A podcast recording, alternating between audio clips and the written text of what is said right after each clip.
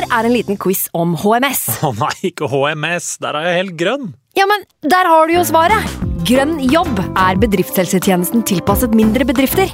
Våre HMS-eksperter hjelper mer enn 8000 bedrifter over hele Norge med alt fra lovpålagte HMS-krav til pålegg fra Arbeidstilsynet. Få på plass bedriftshelsetjeneste på grønnjobb.no.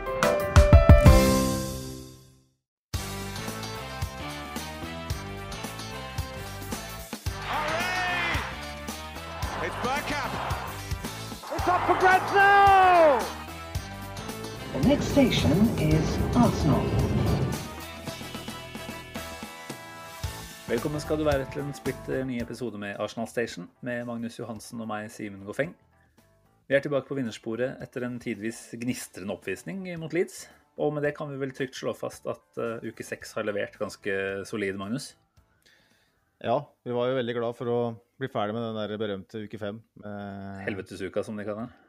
Det var helvetesuka. Og det kunne bare gå eh, bedre enn da. Og det gikk veldig mye bedre òg, syns jeg. Sjøl om jeg fikk eh, kalde gufs fra fortiden når eh, det ble 2-4 der. Etter å ha vært til stede på St. James' Park eh, personlig i, i 2011, så er jeg på en måte et, et barn som eh, ser ild og har blitt brent før. Og, så jeg var livredd, men eh, heldigvis så holdt det inn. Og vi kan vel si at uh, totalt sett var en, en veldig god prestasjon.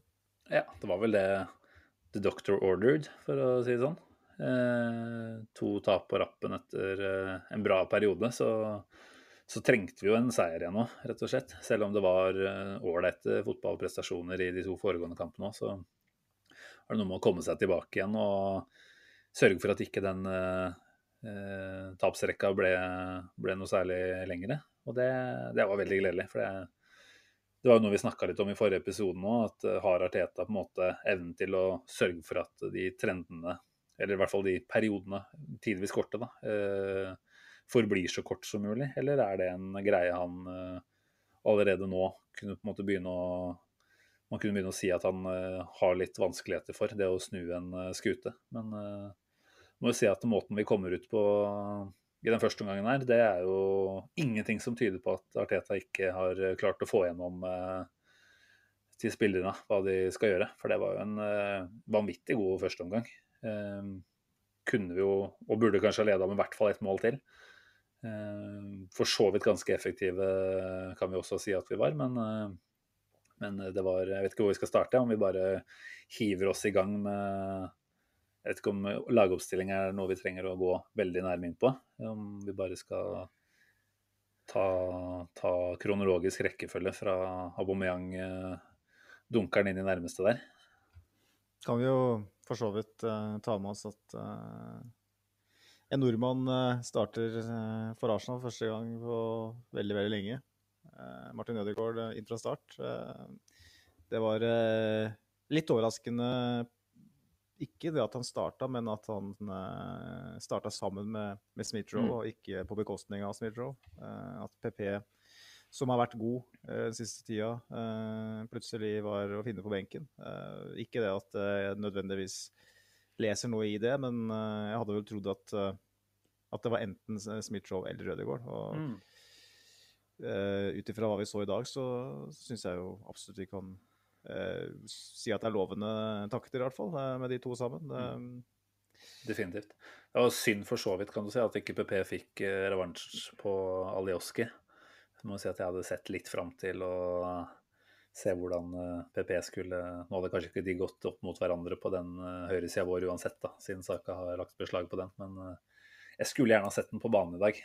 Vi, vi satt vel alle og lurte litt på hva som skulle skje når Alioski tusla banen mot slutten der og passerte PP i oppvarming. Men uh, der jeg kanskje ville dratt på med en liten spøkefull uh, variant, så lot PP han passere i stillhet. Det var vel fornuftig. Men uh, tilbake til det du nevnte. Ødegård og Smith-Roe fra start. Det var en spennende løsning. ikke overraskende så var det da Eh, Ødegaard som tok plass eh, sentralt, mens eh, Smith-Roe var inne fra, inn fra venstre. Mm.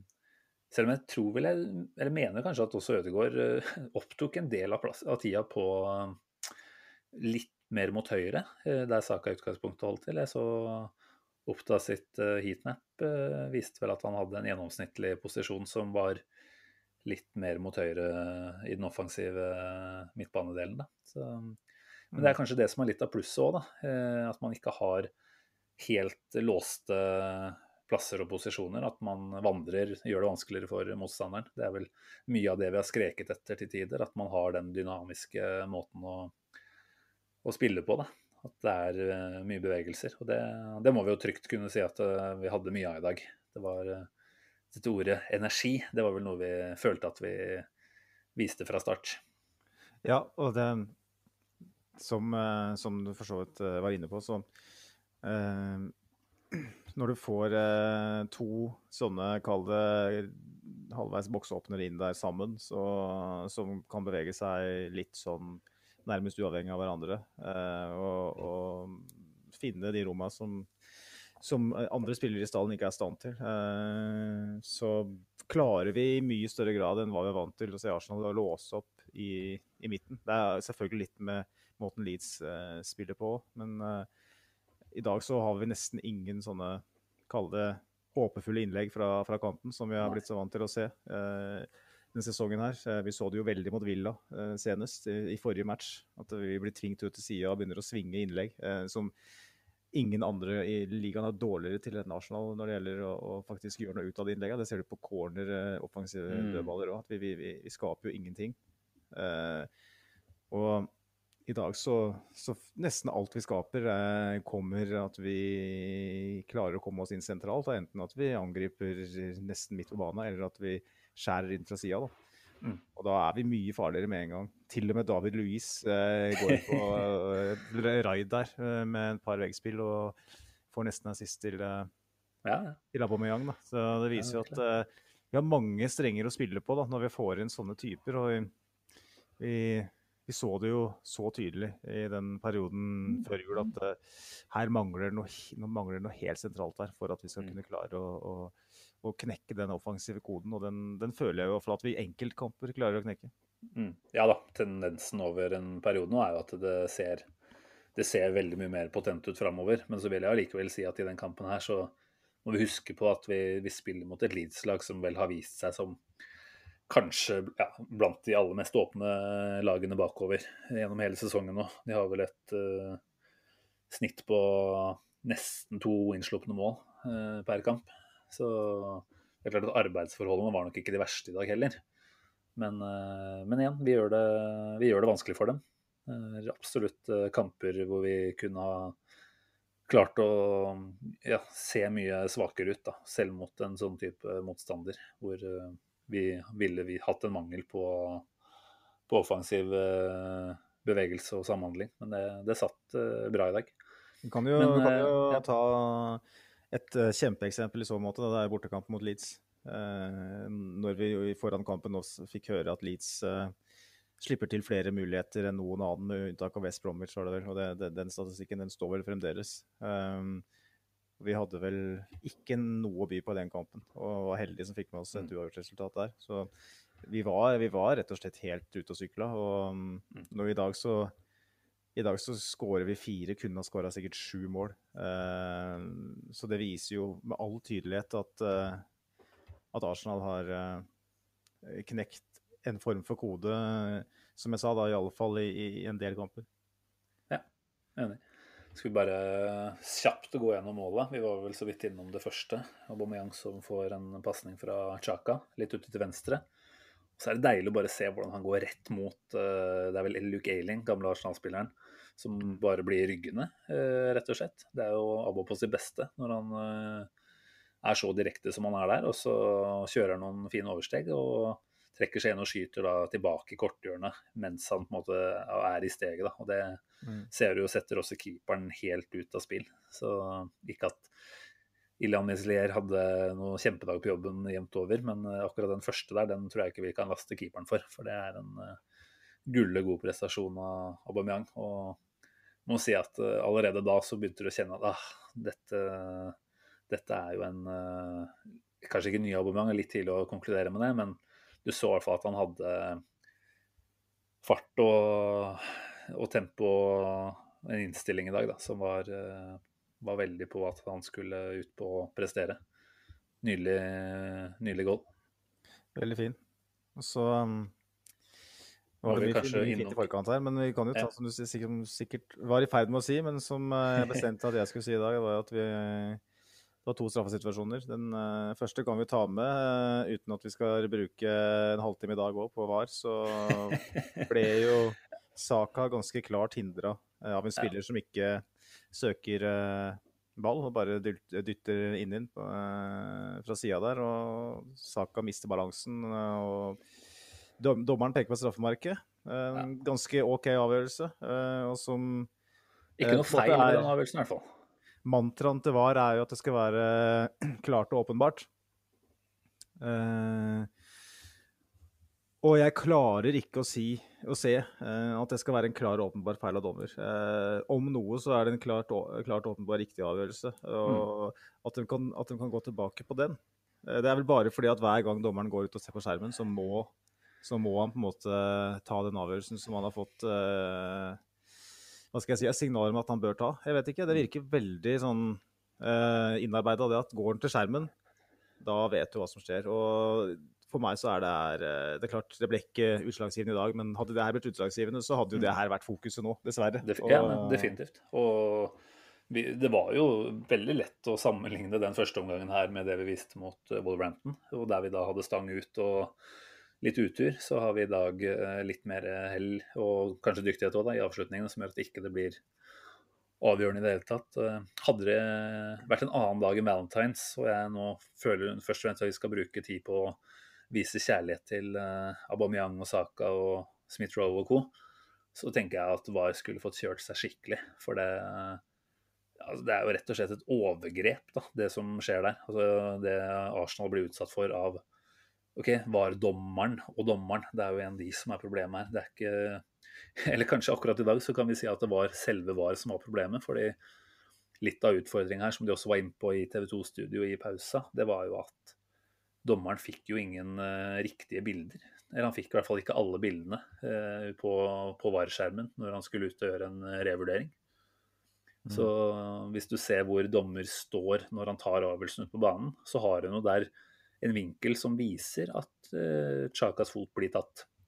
Mens ingen av de eh, reprisene som ruller på vareskjermen, viser den riktige vinkelen. Og det er jo faktisk dårligere vinkler enn det dommeren har når han er ute på banen.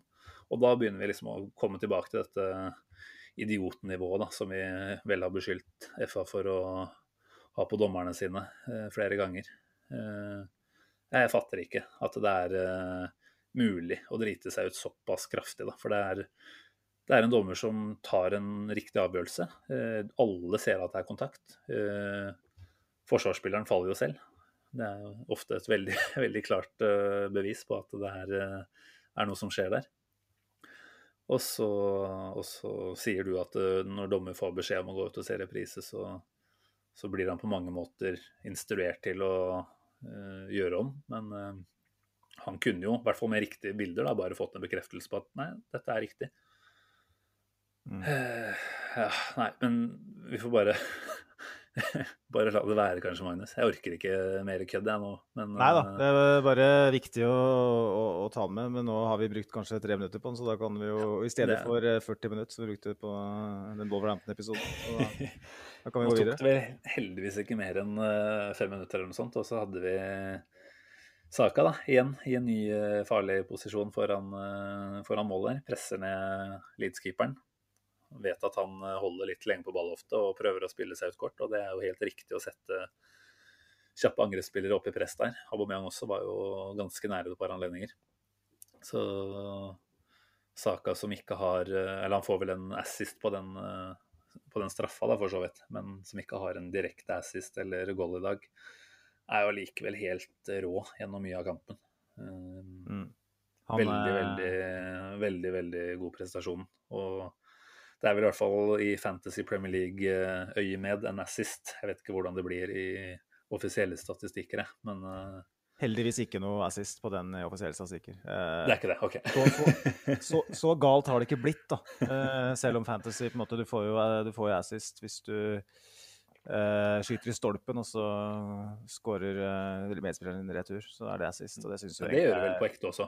Gjør du det? Ja, det tror jeg. Nei, Jo, gjør du det? Ja, det tror jeg. Det er tullete.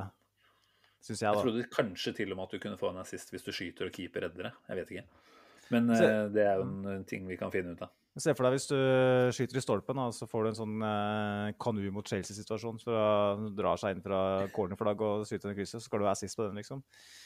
Det er kanskje en eh, Men, men da, hvis, jeg tenker at hvis avslutninga fra eh, det neste da kommer på ett touch, så vil jeg nesten kunne karakterisere det som et slags veggspill. Så da er det innafor. Men det er klart det er en OK. Nei, det er ikke vi vi, får være uenige der. Jeg, jeg syns akkurat den er innafor. Men eh, samme poenget var i hvert fall at Saka var jo knallgod i dag også. Eh, det er jo heller regelen enn unntaket nå, at han er god. Det er åtte eh, åtte av ti kamper så presterer han, rett og slett. Det er helt vilt hvor jevn han har blitt i prestasjonene nå. Og nei, han eh, gjør nytten sin og vel så det, han. Og burde jo, uten at vi skal dra for mange andre inn der, eh, gjøre at noen mer meritterte spillere skammer seg litt, rett og slett. Det er vel uh, muligheter for at det ligger noe bonusbaserte uh, greier i kontrakten til Saka, men uh, den gutten fortjener jo en kraftig lønnsforhøyelse allerede.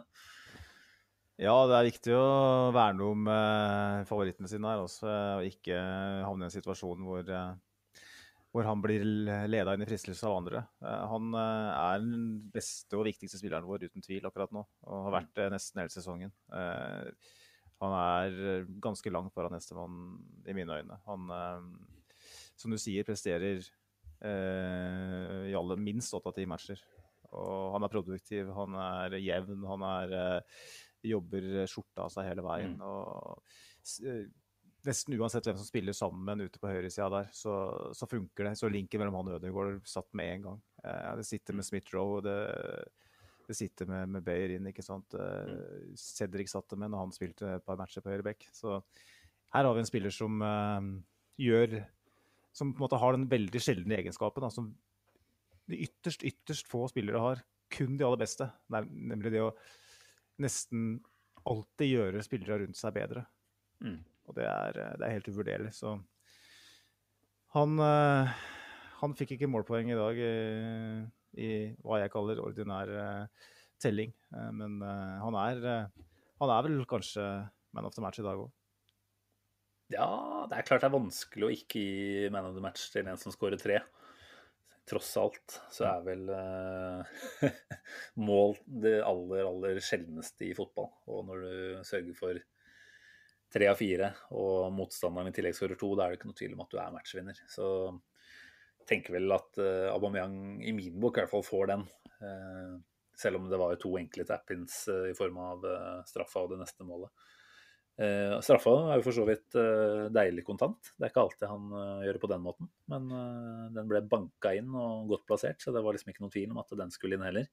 Vi snakker om eh, brente barn her i podkasten, det skal vi ikke gjøre så mye av. Men eh, vi snakker selvfølgelig også om oss sjøl. og mm, etter den straffa mot eh, Tottenham på Wembley som han brente, så jeg, jeg klarer ikke å stole på. Eh, Liksom, hver gang jeg ser en litt sånn eh, mimikkendring i ansiktet hans, eller at han begynner å trippe litt, sånn som han gjorde i dag på en straff, så tenker jeg nei, han bommer. Han bommer. Og det, vi burde jo stole på han. Han satte jo straffe i FA-cupen blant annet. Og han har jo Etter han bomma mot, eh, mot Tottenham, så vet jeg ikke om han har brent et eneste straffespark. Jeg er ikke sikker. Men eh, det er jo i hvert fall snakk om maks ett eller noe sånt. også. Han har eh, vis, eh, han, har, han, har, han har svart på det. Han, det var ikke Absolutt. sånn som Berkamp, som bomma mot United i semifinalen i 99. og Etter det så tok han ikke et straffespark. Tok han aldri. Det er jo ikke sant, det er jo et poeng det òg, at han har måtte ikke gjemt seg på noen som helst måte. Han har fortsatt trådt opp og tatt i. Så det, det liker vi. Spissen vår, eh, hovedspissen, trenger på en måte å være den som man kan lene seg på i straffesituasjoner òg, tenker. Og nå har vi ikke så mange åpenbare alternativer heller. Så veldig bra. Det var 2-0 der, og så kom det jo et tredje da, før eh, pause. Mye bra kombinasjonsspill. Igjen så er det jo Saka da, som drar i gang hele situasjonen ved å bare kjøre solo fra høyre og innover mot eh, feltet der. og Det blir vel først ett et skuddforsøk fra en annen, før eh, ballen havner hos Ceballos utenfor, eh, rett utenfor 16-meteren. slår en deilig tunnel eh, målgivende, og Bellerin som dunker inn et sjeldent mål i, på, nærmeste. I en dårlig keeperspill, må man kunne si. Så klart med en, med en kjempekeeper så, så, blir vel kanskje ikke et par av de goalene i dag eh, mål. Men det er på en måte ikke vits å prate om, for det er han her vi møtte. Ja, og, så, og Beyerin han uh, har uh, blitt beskyldt for å nøle. Og jeg har vært en av de som har påpekt det noen ganger, siste ukene spesielt, at han han virker liksom usikker eh, når man tar raske avgjørelser, spesielt offensivt. Mm. Og det var jo OK.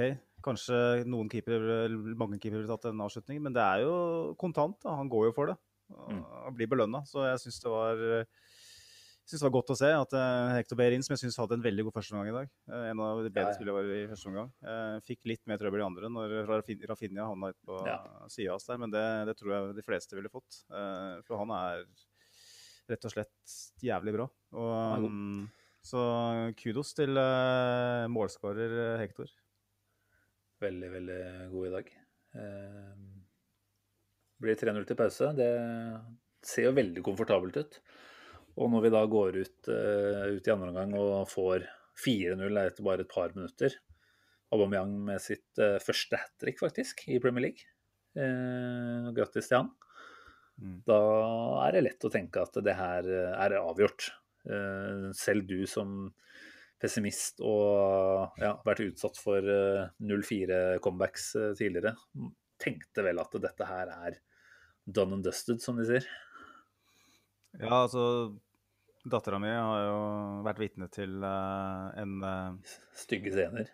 Ja, altså jeg, kan ikke, jeg, kan jo ikke, vise min uh, verste, den verste versjonen av meg sjøl foran henne, selvfølgelig. Men det har vært noen episoder uh, nå i siste tida uh, hvor, hvor, vi har sett fotball oppe fordi at samboeren min nå har lyst enda mer ivrig på å se Arsenal, nå som Ødegaard der og sånn. og mm. Den, den Villa-kampen og sånn, det ble jo slengt noen gloser. Og, men i dag så endte det med dans på stua med meg og, og femåringen når hat tricket satt. Og hun måte, delte gleden. da, Syntes det var veldig kult. Uten at hun helt forsto hvorfor jeg var så glad. Men det er jo um, det, var, det, var, et øyeblikk som tenkte at selv Arsenal klarer ikke å kødde til det her. vi har opplevd så mange sånne sjuke situasjoner hvor vi tenker at her det er ikke mulig å kødde til det her. og så har vi gjort det. Men uh, på 4-0, og du på en måte stadig vekk kommer til farligheter når du, når du, kommer til offensivt og mm. spiller deg på, så tenker du at det er større sjanse at det blir 5 enn at det blir, uh, blir 1-4. Men på 1-4 så kjenner du sånn derre OK. På 2-4 så får du jo da, da, går det på en måte fra Kall det hvitt farenivå, altså helt nøytralt, til blodrødt farenivå. Da. Da mm. er det lockdown, for å si det sånn, mentalt. Så, men det gikk bra, heldigvis. Men jeg, må, jeg, tenker kanskje snakke litt om uh, Aubameyang, da. Han, uh, ja. Før vi går videre på, på baklengsmål og sånn. Han uh, Vi har snakka mye, mye, om de tallene uh, som har versert rundt han og den sesongen han har hatt. da. Han lå jo nede på 70.-plass på antall skudd per kamp i Premier League. Eh, når vi var eh, ja, rett før jul en gang, eller når det var. Eh, og det er jo Ikke rett før jul, kan det ikke ha vært, da, men si det var november, da. Og det, det, det, er jo krisetall for en, en mm. spiss, uavhengig om du spiller, uavhengig av hva slags klubb du spiller for, egentlig. Du kan ikke ligge på 70.-plass, for da, da, kommer du ikke til å skåre mer enn fem-seks ligamål.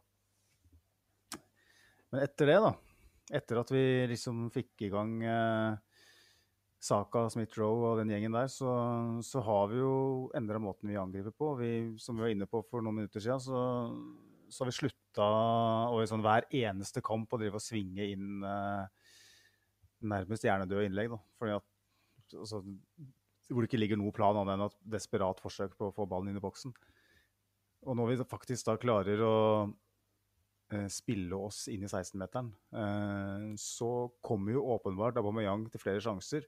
Og mm. det er jo uavhengig av om han spiller på venstre side eller spiller sentralt, egentlig. Han eh, har jo klatra til 22.-plass i den statistikken nå, i, Premier League. Nå har han Skal vi se, han har Det ligger goller, i hvert fall.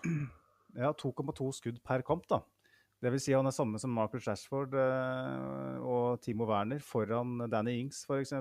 Og Marcial og Stirling. Så det viser jo at, eh, at ting er i ferd med å normalisere seg. da. Mm. Og eh, han har starta 18 kamper, har to innhopp, åtte mål. Det er jo, altså Ser du sånn på det, da, det er klart nå får du tre mål i dag, og det, det farger statistikken veldig. Men sånn i prinsippet da, så ligger han jo an til sånn rundt eh, Hvis han skulle spilt alle kampene, på 15-16-17 mål. da. Og da er det liksom sånn fra å være en helt fullstendig krisesesong da, til å være sånn, egentlig sånn bare litt under pari. Eh, så det viser jo da at, at Aubameyang han er ja i en del kamper hvor, hvor du på en måte trenger at de erfarne, eh, rutinerte spillere, kapteinen, skal stå fram, så er kanskje ikke Aubameyang den spilleren. Men han er ikke problemet til Arsenal offensivt. Det har han aldri vært. Og det syns jeg er godt å se, da. Jeg syns det er kanskje det mest gledelige med, med den kampen her. Eh, og de siste kampene hvor han har spilt og hvor Arsenal har vunnet, eh, og han har kommet til sjansen. Han kommer jo gjerne til tre-fire skudd av kamp nå igjen, eh, som han gjorde før. Og da, da kommer han til å skåre.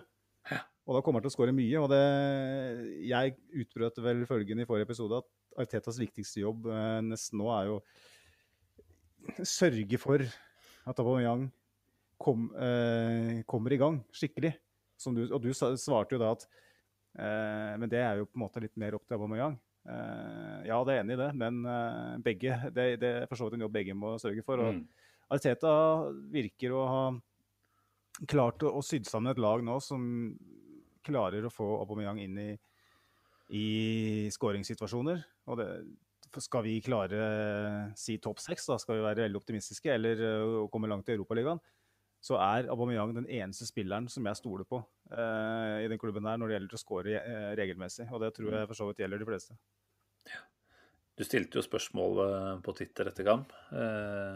Om, altså han var jo midtspiss, eller i hvert fall var som spiss. Han eh, var jo ikke nødvendigvis i midten hele tida. Men eh, om det er noe vi skal eh, se videre eh, Mitt eh, svar til det før kampen hadde vært at ja, selv om han ikke har skåret i dag, eh, så må vi fortsatt gi han en run der oppe nå. For det er klart, nå har han en trio eh, ofte da, bak seg som eh, fungerer godt eh, kamp etter kamp. Saka som alltid leverer. Smith-Roe som har kommet inn og snudd veldig mye på hodet. Og NPP eller en eller annen da, som også kommer inn og, og er sprudlende etter hvert.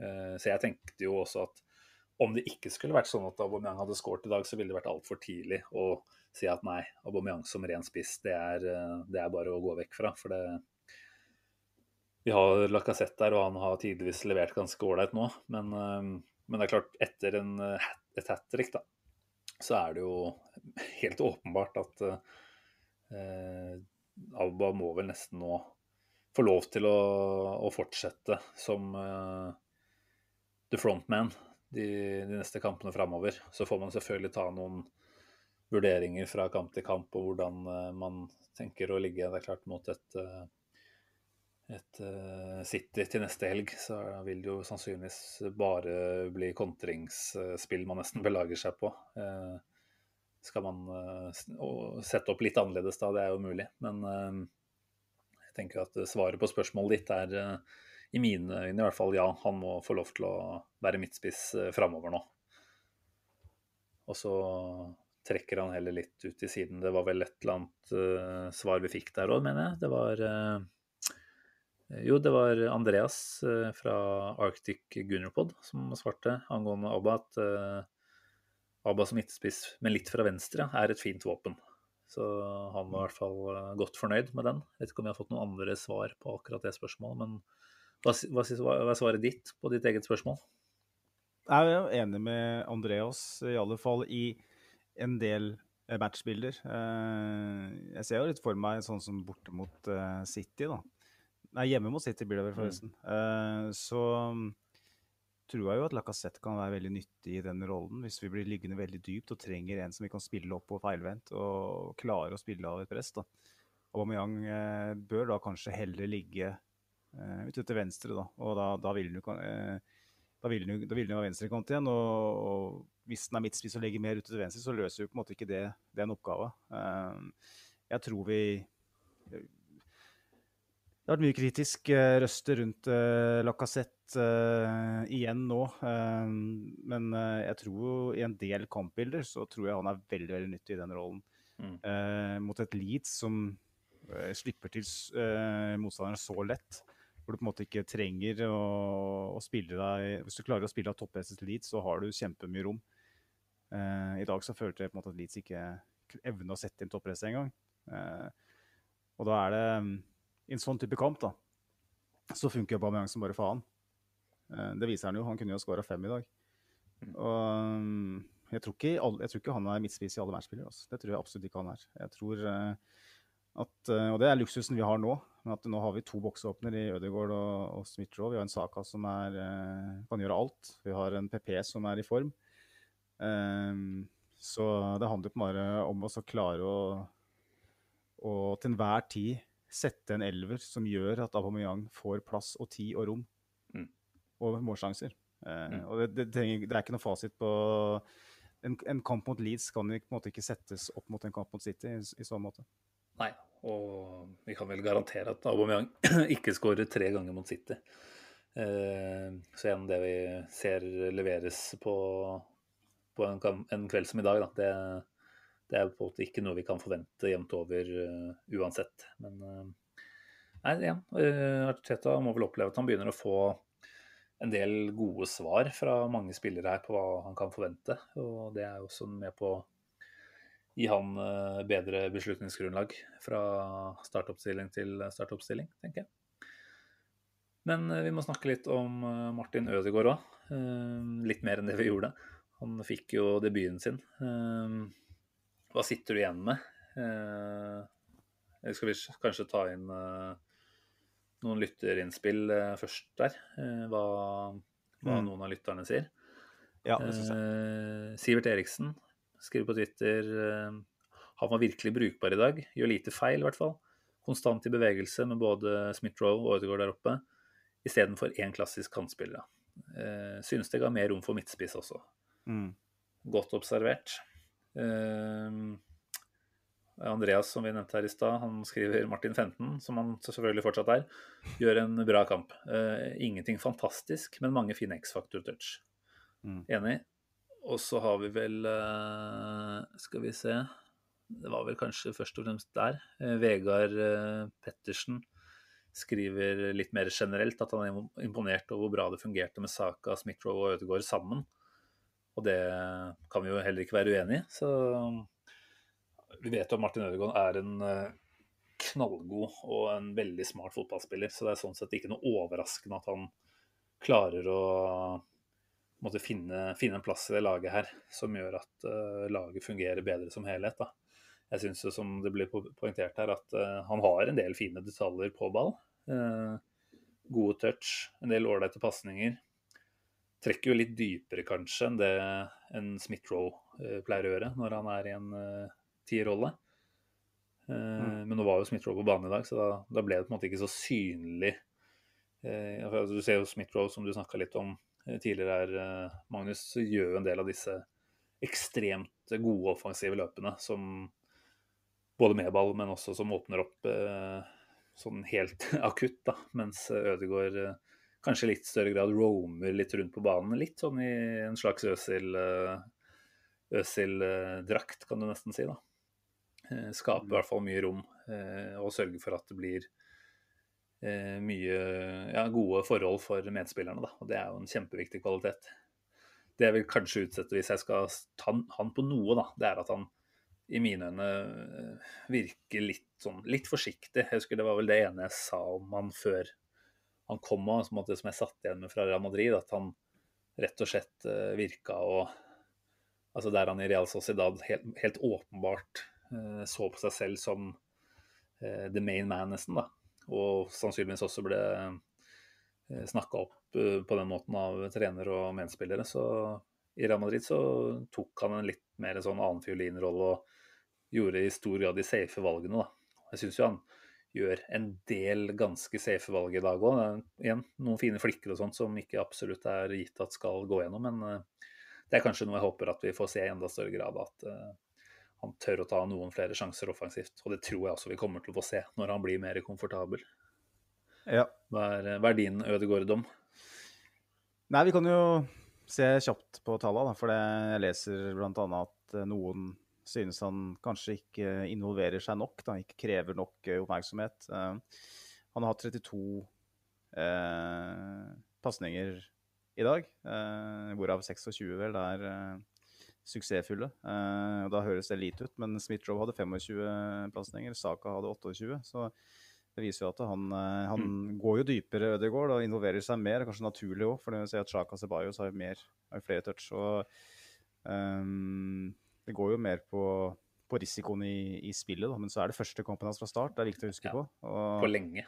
Og han, eh, jeg tror at Teta kanskje tenkte litt òg, at det er smart å kjøre Smith-Roe det, det, er jo mange årsaker til, men i den kampen her å kjøre Smith-Roe mer ut til venstre eh, og få Ødegaard nærmere Saka, da, som er en sånn spiller som virker å kunne bare kombinere med hvem som helst. Da, han er hjertet i laget akkurat nå, Saka. Å få Ødegaard nære han eh, i den kampen, det var lurt. Og de hadde mange gode, gode linker, syns jeg. Blant blant mm. annet den som førte til det som skulle vært et straffespark. Og um, jeg syns han spiller seg stort opp Ødegaard i, i første omgang. Uh, han går fra å på en måte være relativt anonym til å begynne å briljere litt på midten, sjøl om det på en måte ikke er de mest uh, hva skal jeg si, risikofylte valgene og sånn, så er det Du ser at det er en spiller her med et, et ekstremt talent. Han minner meg litt om en aldrende Øzil, da. og det, det, det, er det sikkert mange som tenker at det er ikke noe positivt, men det å, sammen, det å, kunne sammenligne med Øzil, det er faktisk et kjempekompliment. De toucha han har, de valgene han tar, de, løp, de rom han okkuperer. Det er ikke helt ulikt en, mm. en Øzil. Og Ødegaard han har spilt én kamp fra start for Arsenal, så hvis han etter hvert blir mer komfortabel, får litt mer rytme, eh, kan ta med det eh, videre og etter hvert begynne å, å, ta mer ansvar og ta større plass, så, så kan det bli jævlig spennende. Men eh, mm. det, vil, det, vil, jo tiden vise. Men jeg syns det her var en mer enn godkjent uh, debut fra start. Ja, absolutt. Og Mikkel Arteta er enig. Han sa vel etter kampen at, uh, at uh, når du spiller den første ligastart mot Leeds og styrer på den måten som man gjør, så, så, var vel dommen til Arteta at han var fantastisk, rett og slett. Og Arteta kan jo fotball, han. Så jeg vil jo si at det, det tyder på at vi får se mye av Martin Ødegaard framover. Ikke overraskende, selvfølgelig. Uh, skal vi se det, altså Vi må vel kanskje bare kjapt gå innom de to baklengsmåla som, som gjør at det blir spennende. Det blir, det blir en redusering på corner. litt sånn småslapt markeringsspill der. Og så, så, får de jo da andre like etterpå. Rafinha, da, som spilles fritt bak Bellerin og legger inn, og den dunkes inn. Så da, da hadde vi hjertet i halsen, for å være helt ærlig. Men igjen, da. Vi hadde jo William på banen, og da, da, tenker jeg at da var jeg egentlig ikke så bekymra. Tenkte at uh, er det én person som skal sørge for at spikeren bankes ned i kista så er det jo selvfølgelig William. Så når Arteta satte inn på William en halvtime, så tenkte jeg at OK, dette her kan faktisk ikke gå galt. Jeg var så sikker. Neida, jeg vet ikke om du hørte at det var en slags ironi der, men det var det. Uh, jeg må si at uh, altså Det var vel på 4-1 da at William kom inn. Uh, jeg, begynner å jeg, Igjen, jeg har ikke lyst til å ødelegge en god Valentine's Day-stemning med hate på VAR og hate på William. Um, men det er liksom Nå er det kanskje ikke William engang man skal hate på. Det er jo ikke han som bestemmer at den skal dyttes innpå her. Det er jo Arteta. Så jeg må bare spørre deg, hva er det du tenker Arteta har i vurderingene sine når han velger å sette inn på William? Det er jo et par andre åpenbare alternativer, eh, PP og Martinelli, da, som eh, tilsidesettes. Eh, kan vi forklare det med noe god, rasjonell måte her, eller er det, eller er det et litt sånn snev av galskap eh, fra Arteta sin side? første som slår meg, er nakenbilder. Fordi det er ikke noen sånn logisk uh, forklaring. Nei, men det, I dag så, så syns jeg det, det, handler nest, det handler mer om at det ikke er PP eller Martinelli, enn at det er William. Uh, så det er på en måte det er flere debatter her. Uh, William uh, er en Sånn Ut ifra hva vi har skjønt, da, så er, er William en signering som Arteta var veldig keen på sjøl. Altså, ja, han er en Kia Rabshan-klient. Ja, han har linker inn til Edu, og han er kompis med David Louise og alt det der. Men det sies jo at Arteta var nesten pådriveren for den overgangen her. Mm. Eh, ja, og måten han snakka om han etter å ha fått han, tyda jo på det. Det var jo fullrosing.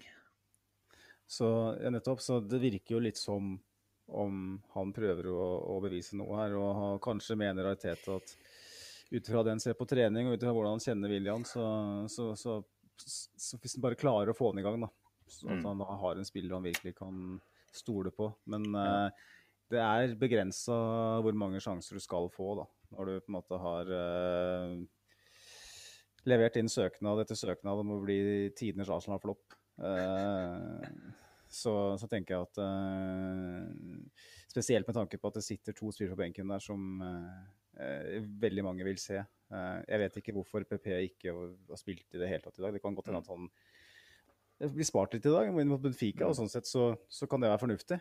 Men at Martinelli, som ikke har spilt på så omtrent i det hele tatt på så lenge, ikke kan komme inn på 4-1 mot et Lead som store, gir store rom. ikke sant? Og Spesielt når det blir 2-4 og har en spiller da som kan stresse dem i, litt større grad. Eh, mm. Som du snakka om før sending, en som kanskje da er to tiendedeler raskere opp i, i, press da, kontra en William som blir løpende imellom.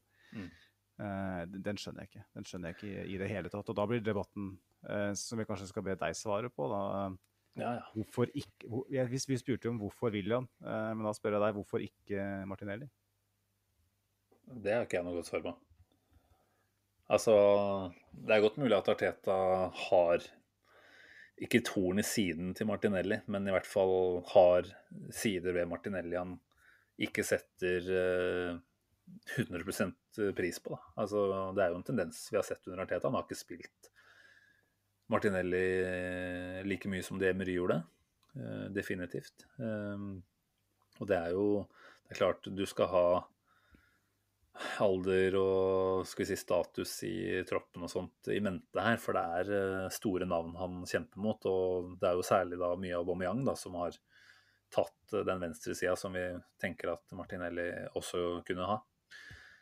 Men, men, akkurat i dag så har ikke jeg noe godt svar på hvorfor ikke Martinelli. Jeg tenker at han har vært ute i en del måneder totalt sett med skade og så en ny skade.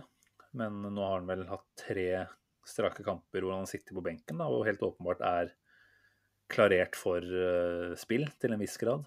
Og jeg skjønner på et vis at uh, Arteta har et håp fortsatt om at, uh, Arteta, nei, at William skal spille på seg en selvtillit som gjør at han kommer inn i en flow. fordi Arteta må jo være overbevist om at det er en fotballspiller inni der fortsatt som kan levere noe som, av det som eh, ble levert i Chelsea. Eh, men, men det er klart at jeg syns det er eh, vanskelig å skulle rettferdiggjøre det over for f.eks. Martinelli, da, som fikk en omgang mot United uten å egentlig gjøre noe særlig dårlig. Jeg vet at det var snakk om at Arteta ikke følte at han var eh, langt, nok, langt, nok, opp i banen i presspillet der, ironisk nok. Men, eh, men jeg, jeg, har ikke noe godt svar på det. Og PP for den saks skyld. Den eneste gode grunnen er den du kom med, at han spares. Jeg ser jo på PP som en av våre absolutte formspillere i det siste. Og jeg tror vi er altså Sånn som vi har blitt kjent med han, eh, frykter at et eh, Altså I den grad han ikke nå har fått fort, fortalt før kampen at du blir sittende på benken hvis vi har kontroll offensivt hvis vi ikke trenger flere mål. Eh, fordi vi trenger deg i den viktige kampen på Benfica. Hvis det er måtte, ikke, ikke, noe av den type argumentasjon som blir brukt, da, men heller at man tenker at William bare fortjener å få prøve seg igjen, så er jeg jo litt bekymra for hva det gjør med flyten til PP. Både fordi du trenger å ha kontinuerlig spilletid. Nå har vi jo hatt en uke fri siden sist kamp. Det er klart, mot Benfica da så har det gått eh, 10-11 dager siden forrige kamp PP spilte. Um, og selvfølgelig at uh, PP har Han framstår som en veldig forsiktig type. Da, sånn, ja, altså, kanskje litt, uh, litt fort for å tenke negativt, akkurat som vi har på en måte rost han for å spiller veldig gode kamper når han har gjort noe godt i, fra starta, så er det kanskje også en tendens til at han har eksempler på det motsatte. At hvis det går litt dårlig, så er det vanskelig for han å komme ut av det. Så jeg ville vært veldig opptatt av å holde han i den flowen han har vært i. da. Så får vi mm. håpe at Arteta har eh, sagt for så vidt de rette tinga da, før kamp, som gjør at ikke PP nå blir bekymra for at han er på, på, på kanten av stupet igjen. Men eh, jeg er ikke imponert over den eh, avgjørelsen der, og det ser jeg jo at uh, folk i, på Twitter-feeden vår også biter seg merke. Vi stilte jo ikke spørsmålet nå om hva folk tenkte om det byttet her, fordi vi har jo snakka forferdelig mye om William. Vi gjorde vel egentlig så... det. Jeg, jeg, stilte jo spørsmålet hvorfor. Ja, du gjorde det? Gjorde det. Så, men, okay. som... Nei, men greit nok. Men det var i hvert fall veldig ensformig svar der. Mange som ikke skjønner dette her. Eh, Stian Børling skriver jo bare 'Gåten William'. Hva ser Arteta i han? Mm -hmm. Og det Beklager, det er ikke en gåte vi tydeligvis klarer å svare på, på i denne podkasten heller. Jeg har, uh, ja, du kan jo ta med flere. Nei, jeg bare tenkte han Vegard uh, Tønder Pettersen Han er på nivå med meg her, og derfor jeg avbrøt deg. Beklager det. Mm, han skriver deilig seier, men litt nervøs sammenbrudd når uh, William kom inn. Uh, og det var jo det jeg sa til samboeren min, og det er jo bra ikke jeg har noe direkte feed til, til William. For det sa at vi akkurat sluppet inn ett mål, hvorfor skal vi stille med ti mann resten av kampen? Uh, og det, det, er kanskje litt hardt, men ah, Hva var det han kompisen din skrev, som du var inne på her? Det var vel eh, både én og to til her som eh, skrev noe om William. Sebastian Ask skriver eh, når Leeds jakter mål, burde Martinelli være et klart eh, førstevalg å sette inn, som kan løpe og plage defensivt, samtidig som han kan bidra offensivt. Og det er helt i tråd med det jeg sa. Jeg tror vi får et bedre kontringspunkt på Martinelli, og PP for den saks skyld, enn det vi får på William. I tillegg at vi har sett hvor effektiv eh, Gabi er i, i det presspillet. Så han, han, har jo vunnet tilbake mang en ball eh, ved å spurte opp i motstander. Og du så at William forsøkte på det, men han, han var ikke kjapp nok, enten oppi huet eller eh, med beina, da, til å komme helt oppi. Så han så litt ut som en sånn sprellende fisk på land, eh, tenkte jeg. Men igjen, nå skal ikke vi gjøre det til en sånn negativ William-greie, dette. Uh, Håkon Førrisdal eh, skriver jo her, som vi også kanskje nevnte litt tidligere, at eh, jeg tror noe grunnen til at William blir satt innpå i disse situasjonene, er at, er at, klubben håper han kan gjøre noe som øker verdien hans.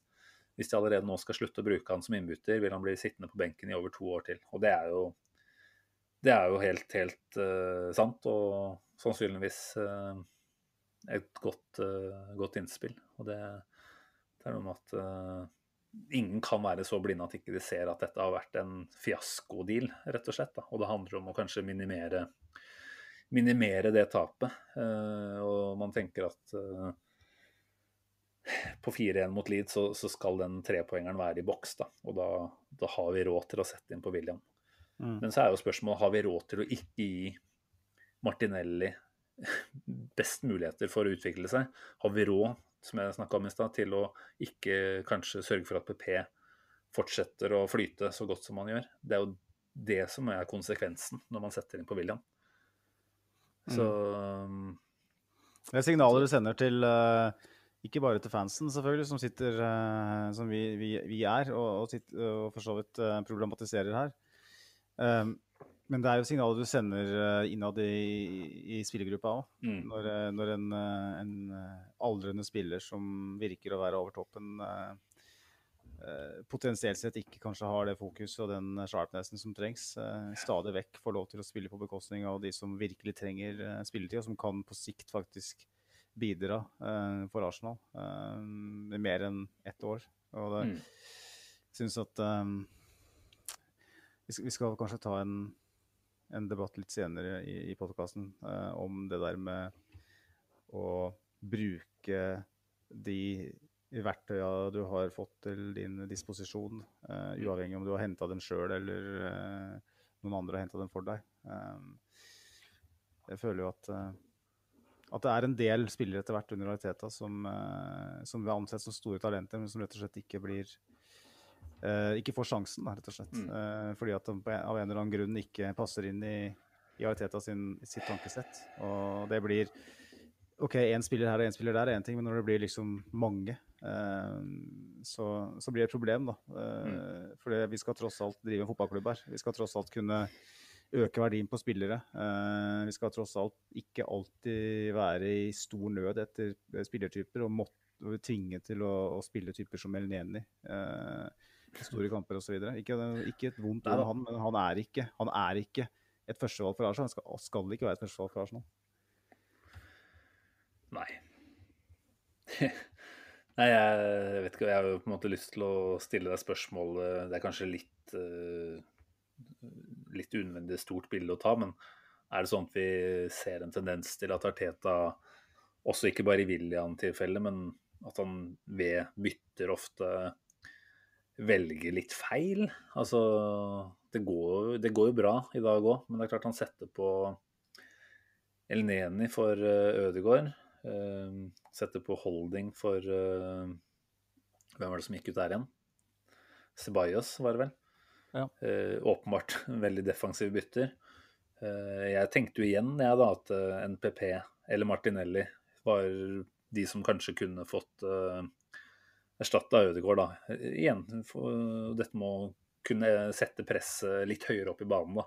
Syns vi å overbefolke fra midten og ned, så, så, inviterer vi jo til en viss grad Leeds mer med i kampen igjen. Mm. Vi gir jo de muligheten til å flytte seg høyere uten noen særlige utfordringer. Eh, nå er kanskje ikke PP verdens beste presspiller, men han har i hvert fall vist eh, prov eh, på defensive forbedringer i det siste. Og han vant jo tilbake ballen på en fin måte før skåringa si mot Wolverhampton. Så jeg skjønner igjen, det er veldig lett å ty til den, det, det, defensive byttet der. Men eh, jeg, jeg, skulle nå ønske at vi hadde vurdert eh, litt annerledes da, i et par av de vurderingene der. Men det blir jo flisespikkeri når vi vinner relativt komfortabelt til slutt uansett. Det, jeg vet ikke om det er en tendens vi ser. Har du tenkt noe på det, eller? Når vi først er i snekkerboden og spiker flis, så kan vi jo for så vidt uh, nevne at jeg er litt uenig i, i, noe av det du sier. da. Uh, jeg, synes, jeg, ble jo litt fornøyd egentlig når jeg satt inn uh, Nå har jeg akkurat kritisert Elneni, men uh, satt inn Elneni og Holdings tenkte at ok, det er kanskje fornuftig på sett og vis. Um, mm. Fordi at jeg syns Leeds kom altfor uh, enkelt uh, mellom stopper og bekk, spesielt. 2-4-skåringen kom jo nettopp den pasningen mellom Beirin og, og Louise, uh, som åpna opp hele, hele, butikken. Og um, jeg følte at vi var i ferd med å miste litt kontroll, rett og slett, over kampen. Uh, og jeg følte at uh, det offensive, et, spesielt etter at uh, Smith-Roe gikk ut for William mm. Og nå handler det vel så mye om at Smith-Roe gikk ut, da, bare for å si det. så følte jeg at vi på en måte mista det der overtaket vi hadde. og jeg følte det var fornuftig på det tidspunktet å sette inn en ekstra stopper og sette inn Elneni på midten litt dypere. for han er en sånn, kall det pliktoppfyllende type som, som jager og er i rett posisjon. og bare sørg for at Leeds ikke kommer så enkelt til. De hadde vel én og ett tilfelle der hvor det kom et innlegg inn i boks hvor uh, Hvem var det som var foran der? Var det Louise, eller? Jeg husker ikke. Det var en spiller som klarte å komme foran Bamford, tror jeg det var. Så det var kjempenære. Tre-fire. 3-4. Og jeg hadde blitt 3-4, så hadde det blitt 4-4. Det er jeg villig til å sette uh, det meste på. Jeg er helt sikker på. Da hadde håper si Sheikh Diote stått opp fra de døde og kommet på 40 meter der og banka han i gruset. Han uh, jeg vært Rest in peace. Rest in peace. Det var ikke noe vondt med en sånn sett. Det var liksom at jeg har uh, Det er noe med, som vi snakka om før sending, Simen, at når du leder med fire mål, og så slipper du inn tre mål, og det står igjen noen minutter på klokka, så skjer det noe med samtlige 22 forbanna. Uh, de elleve som skal forsvare den ettmålsledelsen, blir livredde. Mens det laget som da har skåra tre mål, de har så momentum da at det bare trykker oss inn i boksen. Så det tror jeg hadde gått til helvete. Uh, så det var jævlig viktig eh, på det tidspunktet å sy sammen det laget igjen. Uh, og jeg, jeg, jeg syns spesielt byttet med Rob Holding var veldig veldig fornuftig. Å Få inn en teddystopper der. Ja. Ja, jeg tenker Det var vel på, det var så seint i kampen, mener jeg husker, at han kom. Det var vel typ rett før slutt, nesten. Det var Ja, kanskje det ikke det jeg reagerte mest på. Det var vel heller det Elneni-byttet. Jeg, da. jeg, ville, jeg syns kanskje det var en tendens at Saka begynte å se sliten ut. Jeg tror det var ikke hans feil at eh, det ble spilt gjennom til Rafinha før den 4-2-gålen, eh, nødvendigvis. Men jeg tenker at hadde man satt på NPP inn der, da, f.eks., så hadde du bevart kontringsstyrke, du hadde hatt mulighet til å sette inn litt mer intenst press eh, lenger frem, og så kunne det fortsatt ha gått bra. Det kunne gått til helvete, så det får vi ikke svare på nå. Nå gikk det bra i dag, og da er det en unødvendig diskusjon å ta, for så vidt. Så kan si oss fornøyd med det. Nå har vi vel prata nesten en time om den kampen her. Så det er kanskje på tide å rykke videre til neste punkt. Du nevnte jo så vidt uh, dette med å gjøre Altså at Arteta skal gjøre best uh, mulig verdi ut av de assetsene han har fått å jobbe med. Eh, Det har vært noen eksempler nå på at han uh, har tatt et par ganske knallharde avgjørelser, rett og slett. Eh, en av de har jo å være så tydelig på at William Saliba ikke er klar for å være midtstopper i Arsenal. Noe som resulterte i at han ble sendt på lån nå i januar og har gjort sakene sine veldig bra i NIS. Eh, ble vel kåra til månedens spiller i klubben der, første måneden der. Eh, jeg regner med at han er en av eksemplene du sikter til når du snakker om dette med at Arteta bare på sett og vis må akseptere at han har fått det han har fått, og det må han jo gjøre det beste ut av. Mm. Kjempe eh, eksempel William Saliba, kanskje det viktigste, men òg men Matteo Gendosi, som Det er vel ingen tvil om at han er et, eh, et eh, råttent eple eller et råttent egg, eller hva det er. Potensielt sett i en spillertropp. Eh, men samtidig en eh, spiller som har vært kaptein for det franske U21-landslaget. Eh, en spiller som åpenbart har vært interessant for veldig, veldig store klubber. Er, var jo PSG eh, i ung alder. Mm. Eh, det er litt Det er greit, kanskje kan, altså Hvis det bare hadde vært han, så OK, men det er liksom det er Saliba ikke sant? og det er Gendosi. Og han var veldig tøff med PP eh, lenge, og det kan godt hende at det går den veien nå. Eh, det virker som Martinelli kanskje ikke er hans kopp te. Det, det er veldig tidlig å si, altså. Veldig, veldig tidlig å si. Men eh, det er jo på en måte et sånt mønster du ser da, som gjør at du begynner å tenke i, i de baner. Det, Mesut Özil, og for så vidt, da. Eh, vi skal ikke ta den debatten igjen, men det er liksom eh, Når du har en sånn spiller til din disposisjon, da, som åpenbart har kvaliteter, uavhengig av om de er på det nivået som det var for fem år siden eller ikke. Så det å skyve den helt ut i kulda Mm. eh, på den måten eh, Det er greit å være kompromissløs, liksom, men eh, å se, sette deg i en situasjon hvor du på en måte ender opp med at Øzil er jo ikke i, i den kategorien, da, men jeg tenker på Saliba og Gendosi og sånn. Spillere som eh, i utgangspunktet bør ha en ganske høy markedsverdi. da. Eh, ender med å nærmest altså, tape penger på det, da, potensielt sett. Mm. spillere du henter inn i veldig ung alder med et kjempepotensial, eh, som veldig mange andre klubber sikrer sikre på. Og så taper du det ender du på å tape penger på dem, eh, for alt du vet. Eh, jeg tenker at Ariteta har eh, veldig mye å vinne på den såkalte kulturendringa som han har starta på, som han var veldig tydelig på fra, fra dag én. Eh, som vi er glade for. At han tar noen tøffe valg og viser at eh, skal du spille for Arsenal, så kreves det eh, ganske mye fra deg. Hvis ikke så er du, er du ferdig, og det er greit. Men når du er 18-19-20 år, så skal du samtidig tenke at kanskje han er ikke der akkurat nå, men jeg som manager og, og trener skal kunne klare å få han dit. Ok, Det er greit å gi opp Øzil og Mustafi og Sokratis. Du skal ikke gi opp Saliba. Du skal ikke gi opp Gendosi når de er så unge som de er. Med mindre de er altså fullstendig håpløse. Mm. Uh, og det, det tror jeg ikke eh, Saliba er, iallfall. Og Nei, fader heller, bare for å avbryte deg litt der. Altså, du sier du kan godt gi opp Mustafi, men han gjorde jo for så vidt ikke det hele høstsesongen. Han sørga alltid for at det var plass til Mustafi i kamptroppene. Eh, og da visste han jo sannsynligvis at Mustafi var en som skulle ut i januar.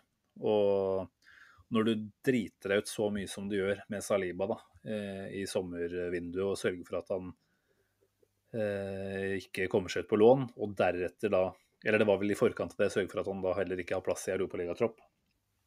At du da ikke klarer å tenke dit hen at det kunne vært strategisk lurt da kanskje å putte Saliba inn i den kamptroppen istedenfor Mustafi. Eh, men igjen, vi ser det her utenfra, og jeg, det er sikkert argumenter for hvorfor Arteta har gjort som han har gjort. Og vi får jo håpe at han har hatt gode samtaler med Saliba, hvor han, kan måtte forklare dette her på en ordentlig måte. Eh, men hadde jeg vært Saliba, hadde jeg vært eh, jeg er både skuffa og sint og veldig lite imponert over eh, måten klubben min har håndtert flere situasjoner på. Så det er jo en, eh, en reell frykt man har, eh, selv om han har to eller tre år igjen på kontrakten, at eh, Saliba har fått nok av Arsenal. Han har jo en del intervjuer nede i Frankrike der som tyder på at han i hvert fall ikke er nevneverdig imponert. Og så, som du påpekte tidligere her, så er det jo klart at det er kanskje en del enkle setninger som blir tatt litt ut av kontekst. Og det er klart han, han får mye søkelys på seg der nede. Det er kanskje vanskelig å, å svare så veldig mye annet enn det han gjør, fordi alle er jo enige at han har grunn til å være skuffa. Han har tross alt fått et eh, halvt år av karrieren sin eh, bortkasta, rett og slett. da. Mm. Men, eh, men jeg må jo si at eh, når du har brukt 28 millioner pund, var vel vi landa på der, på en 18-åring, og du er Arsenal og ikke Manchester City, da har du ikke råd til å ikke sørge for at det funker på et eller annet vis. da. Og må bare minne Arteta om at uh, han er ikke en del av eh, Manchester City lenger her nå. Det er ikke muligheter for å kaste såpass mye penger ut av vinduet. Så jeg håper virkelig at man klarer å bygge bro igjen med Saliba til sommeren. Og for han er nok svaret på mye av det vi har behov for bakover der på høyre, høyre midtstopperplass.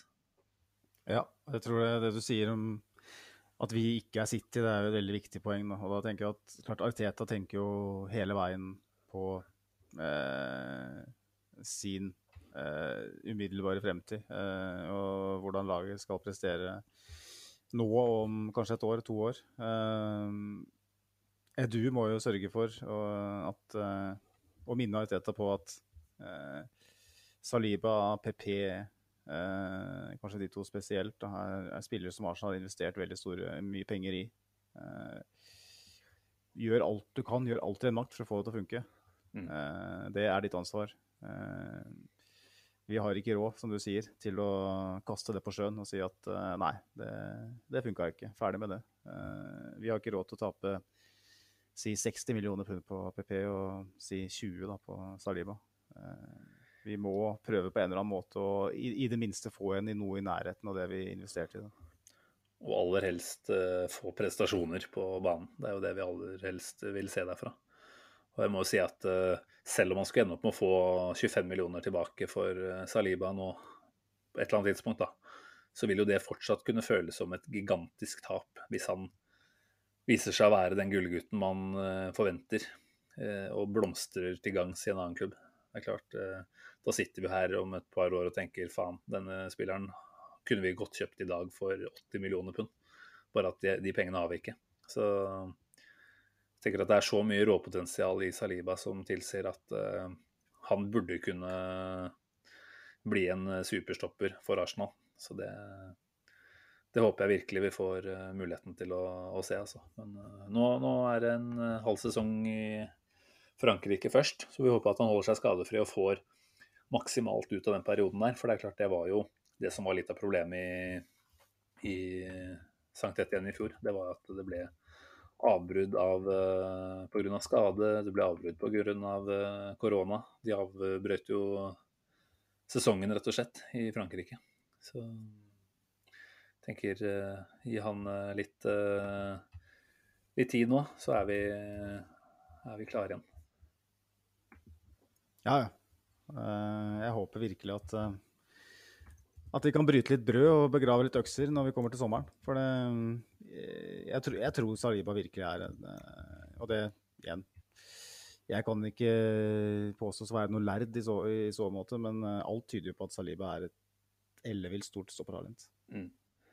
Ja. ja. det er klart, når det er så gjengs oppfatning av det man har sett i, i liga Og ja, det er liga, og det er tidvis noe begrensa nivå på det som skjer der. Men uh, han var 17-18 år når han uh, begynte å bryte gjennom, da. Og da, da, er det noe spesielt. Så, men OK, nå, nå, har vi sagt det vi tenker om den saken. Uh, og klokka går jo, som kjent. Jeg tenker vi må rette litt søkelys fram mot det som skal skje på torsdag. Europaliga. Såkalt bortekamp mot Benfica.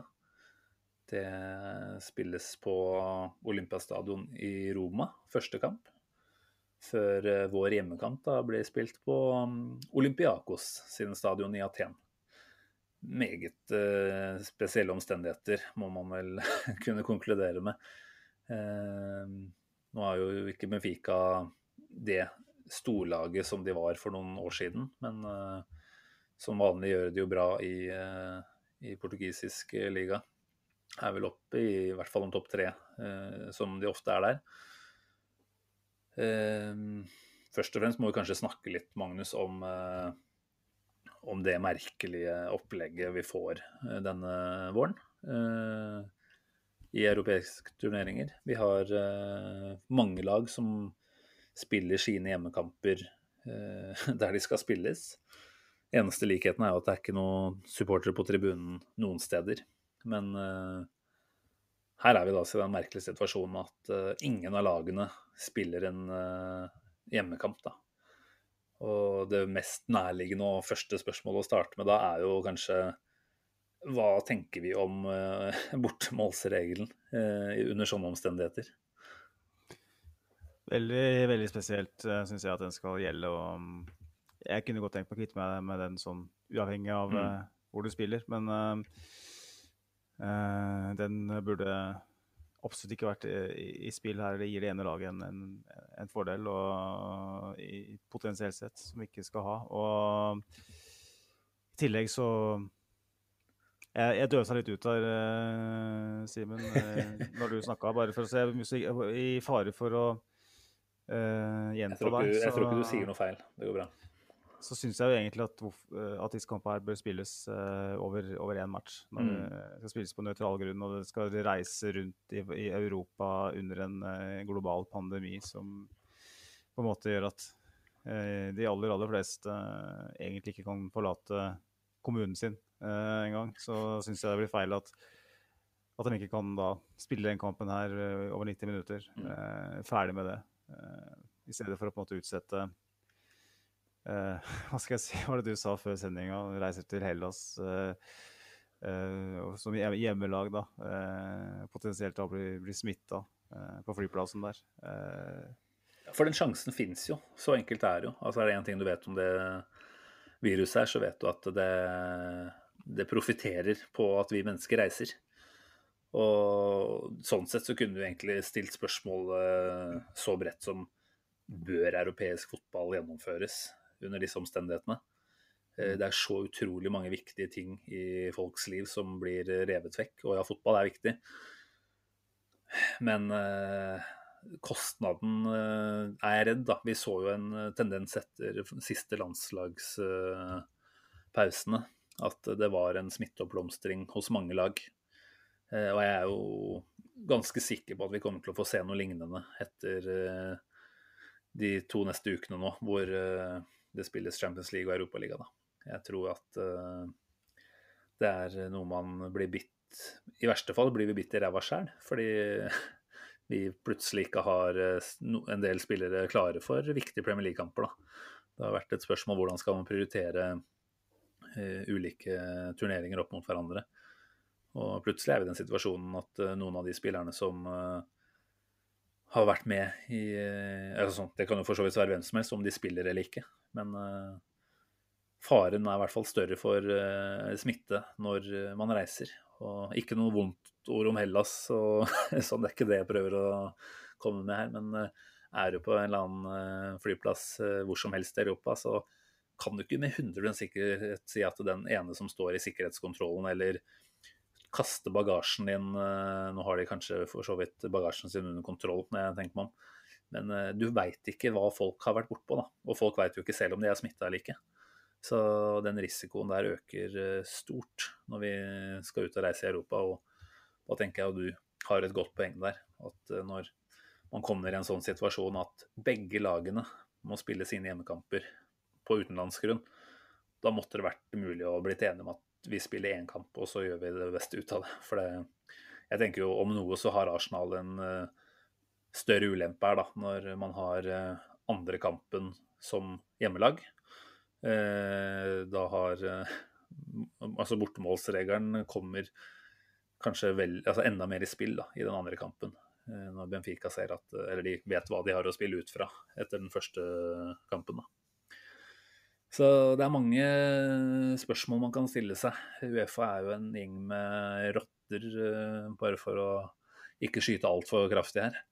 Så jeg tenker at eh, griske folk på toppen ser jo selvfølgelig ikke at eh, det er noen mulighet for å avslutte den turneringa her, og det ville jo fått store konsekvenser. Jeg ser jo det, men det, det smaker litt vondt da, når man ikke klarer å finne litt alternative løsninger. De hadde jo en en løsning på de siste Det var vel kvartfinalen og inn, det, i Europaligaen og Champions League i fjor, hvor de spilte i ja, turneringsform, rett og slett. Da var det vel én kamp, og mm. alt ble gjort på, i samme land. Og det har tydeligvis ikke vært aktuelt i år, fordi eh, Uefa har et håp om å få avholdt uh, EM. Uh, og igjen da er det selvfølgelig penger og sånt som rår når en sånn vurdering blir tatt. Så det blir spennende i hermetegn å se hvordan dette her eh, utarter seg. Jeg er redd vi kommer til å sitte og riste på hodet om noen uker og tenke hva er det vi driver med. Det er vi jo vant til for så vidt å gjøre. Og, um... ja, men da er det alltid retta mot oss selv. Jeg tenker jo... at Nå kan vi i vel så stor grad begynne å stille spørsmål hva faen er det alle andre driver med? Det, jeg er nok der at jeg i større grad stiller de andre enn meg sjøl. Hva faen er det vi driver med? Eh, det er kjent, kjent begrep, men jeg, eh, for å ta noe ekstra i den, i den argumentasjonen der, da, så, så, er det jo et poeng det at ikke bare må Arsenal og Benfica for den saks skyld ut og reise eh, to ganger. Eh, men det skjer jo òg i det tetteste kampprogrammet i manns minne. Da. Er det én gang hvor eh, klubba virkelig har behov for at de kampene går over én kamp, uavhengig av smittesituasjon, uavhengig av korona, så er det jo nå. Fordi at det er så mye kamper. Det er jo en lettelse for alle at den kampen her går over, en, eh, over ett oppgjør, med unntak av de som sitter og tjener penger på det, selvfølgelig. Mm. Og der ligger problemet. Men eh, Arsenal eh har jo nå selvfølgelig en del, et par spillere ute allerede som er viktige. og det er litt sånn at uh, skulle vi miste en Smith-Roe, skulle vi miste en Aubameyang, ikke sant? fordi det blir, det blir, for tett, det blir for tøft. Uh, så er det som tenker at hvorfor skulle, spille, hvorfor skulle vi til Hellas, liksom? Hvorfor skulle vi den sikkerhetskontrollen der Sokratis uh, Luka Laken står med et sånt uh, uttrykk som på en måte skremmer vannet av deg? da. igjen uten å si noe feil om Hellas, så er på en måte Sokratis er jo vår opp, opplevelse av Hellas gjennom Arsenal-øynene. Selv om vi har en Avropanos som presterer bra i i Stuttgart nå, så er jo Sokratis uh, han, uh, han er en sånn, uh, sånn type som som du ikke glemmer, da, sjøl om han ikke spilte så mye. Men nok om nok om det. Jeg vet ikke, Simen. for å ta litt mer Nå har vi vist, vist mye kjærlighet til Saka, til Smith-Roe og, og, co. etter den kampen her. Eh, det er jo I dag er det jo boller med krem, og det er uh, store hjerter. Det er Valentine's Day i dag, og jeg så jeg fikk en snap av deg. Uh, det var vel et vorspiel til Valentine's Day, hvor det var en liten hund som Fikk eh, fritt spillerom med tunga si. Ja, eh, samboer var jo ute på vift på fredag. Så da benytta bikkja jeg anledningen til å ha litt sofakos. Eh, opptakten til Valentine's var for så vidt eh, veldig trivelig. Bikkja er jo en kosebamse av dimensjoner, så vi har det hyggelig. Så må jeg nok eh, særlig si at min Valentine's Day har bestått i lite kjærleik på den måten man burde. Jeg har vært ute på lang skitur med en kamerat og sånn sett vært en dårlig kjæreste i dag, det må jeg jo si. Og etter det så har det blitt fotball og podding. Så mulig at eh, plussbanken min begynner å tømmes etter hvert. Men eh, jeg må jo si at eh, når det blir som det blir med 4-2-seier og fin, fin kamp, da er det ikke noen tvil om at eh, den kjærligheten man har til, eh, til klubben, den er eh, kanskje ikke om like stor, i hvert fall eh, veldig stor den òg. Og da, da føles, det, føles det veldig godt å, å få være med på den eh, kjærlighetshistorien vi, vi så i dag.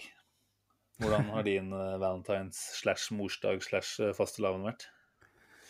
Ja, ikke sant? Det blir svimmel. Um, jeg er jo veldig sånn prinsipielt mot Valentine's Day, da. Uh, jeg tenker at jeg trenger ikke noe sånn Litt, litt imot morsdag, egentlig òg. Mot alle sånne Kall det merkedager hvor det skal gis ut gaver som er skapt av Mm. handelsstanden. Sånn at folk skal ut og bruke penger. Eh, jeg trenger ikke en, trenger ikke en eh, dato for å skulle eh, gi en gave til min bedre halvdel. Jeg tenker at da er det bedre å Bedre å gjøre det litt mer spontant, da. Men uh, hysteriet vil ingen ende ta. Uh, så for meg også, så har det vært uh, Bolle med krem er obligatorisk. Den støtter jeg. jeg. det Men det kan du fikse sjøl. Amazon, Amazon og XXL og de gutta der tjener ikke all verden på, på bolle med krem. Kanskje det er eh, konditorier som gjør det skarpt, men jeg tenker det er fint i disse dager. Eh, så har det vært skitur på meg òg. Og eh, hva skal jeg si, ja. Eh, det endte, endte veldig godt med, med fotballkamp i dag. Og etter forrige uke, så hvor alt gikk til helvete, så var det jo bare strålende med med min første kjærlighet, som leverte så til de grader på Emirates i kveld. Ja, du må jo Sånn rett og slett bare håpe på at eh, mandagen din, og når dette her eh, høres på, da, de fleste, eh, blir vel så bra som foregående mandag. For da har vi jo gode ting i vente utover uka nå, både på torsdag og på søndag mot Manchester City. Så krysser fingra for at Magnus Johansen får en drømmeuke. det finner dere mer ut av på torsdag, tenker jeg. Da, da kan dere sende en tanke til meg hvis eh, det går til helvete med Arsenal. At uh, trolig har jeg hatt en vond uke i forkant. Sånn, sånn er det bare blitt. Sånn, uh, sånn er stjernene lina opp. Ja, Vi får følge opp den her framover og se om det, det faktisk stemmer uke etter uke. Såpass. Og jeg har jo jeg har lite tiltro til Lilly Bendriss, for å si det sånn. Men, men skulle det være et snev av en, en gjentagende greie, dette med deg og Arsenal-resultater, så får jeg revurdere forholdet mitt til Lilly Bendriss òg. Jeg tror ikke det blir eh, valentinsbukett i huet på noe tidspunkt uansett. Men, eh, men eh, kanskje. Kanskje det er noe i det hun sier. Det er noen, Hvis, uh, hvis Lilly, Lilly Bendriss er gjest på denne podkasten her, så kan vi kanskje regne med at vi får en litt annen, litt annen lyttesegment etter hvert. Jeg håper noen blir med oss videre i så fall, men Nei, ingen fare. Er en som ikke blir med på den podkasten, og er eh, Lilly Bendriss. Det, altså, altså hadde, hadde Leeds skåra to mål til i dag, så kan det godt hende at jeg hadde fått med Lilly Bendriss, bare for å eh, ikke bli gal. Eh, eller jeg blir enda galere eventuelt. Da. For et behov for å bare bikke helt over. For det, den eh, den eh, lørdagen på St. James' Park i 2011, den eh, håper jeg Altså, det er en sånn type som type Hva som eh, en kompis av meg skrev, kompis skrev til meg nå i stad på Messenger, som var, var med meg på denne kampen på, i Newcastle. Han skrev at på en syk måte så er det et minne for livet. Og det, det er nettopp det det er. Så Ja, håper at det blir et unikt minne. Et, et minne som aldri blir kopiert eller etterligna på noe som helst slags vis. Fordi så mye øl som ble konsumert den, eh, på det toget ned, tilbake til London, det er ikke bra for noen. Altså, jeg er jo helt for å drikke øl, særlig. Men, eh, men omstendighetene skal jo på en måte være positive helst, da. Det skal være et ønske om å kose seg, og ikke eh, slukne sorgene. Så nei, vi håper at det ikke gjentar seg. Siden det er gøy å lede 4-0, så svir det litt å slippe inn fire deretter. Men vi har vel eh, moment til i den podkasten her før vi må si takk for følget, Magnus. Det er vel en X-spillerspalte som skal på bordet, er det ikke det? Ja da. Vi har, har noe lina opp i det, denne uka her òg, vet du. Hørt på fansen og klaska til med et uh, skikkelig tilbakeblikk i dag òg. Jeg er spent på hvem du har uh, hvem du drar opp på ermet ditt. Yes. Kan egentlig, egentlig bare begynne på når du er klar.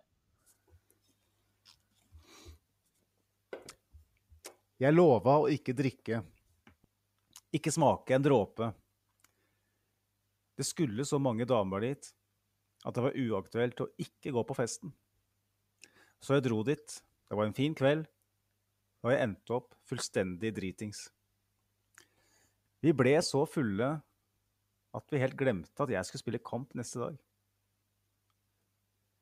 Dagen etter skåra dagens X-spiller like så vel et hat trick på Hybrid. På smått utrolige ti minutter. I det som var hans første Premier League-start noensinne. Mange år hadde gått siden Brian Clough skjenka spillerne sine Kanakas foran FA Cup-finalen. Noen år var det også siden tirsdagsklubben pleide å dryle nedpå 15-16 halvlitere i en hektisk hverdag som toppidrettsutøvere. Fotballen var på god vei inn i en ny tidsalder, hvor både flatfyll, chips og marsbarer var bannelyst. Særlig da i Arsenal, hvor Arsen Wenger, selve idealisten i denne tematikken, fremdeles jobba med å snu hodene til ultrakonservative erkebriter.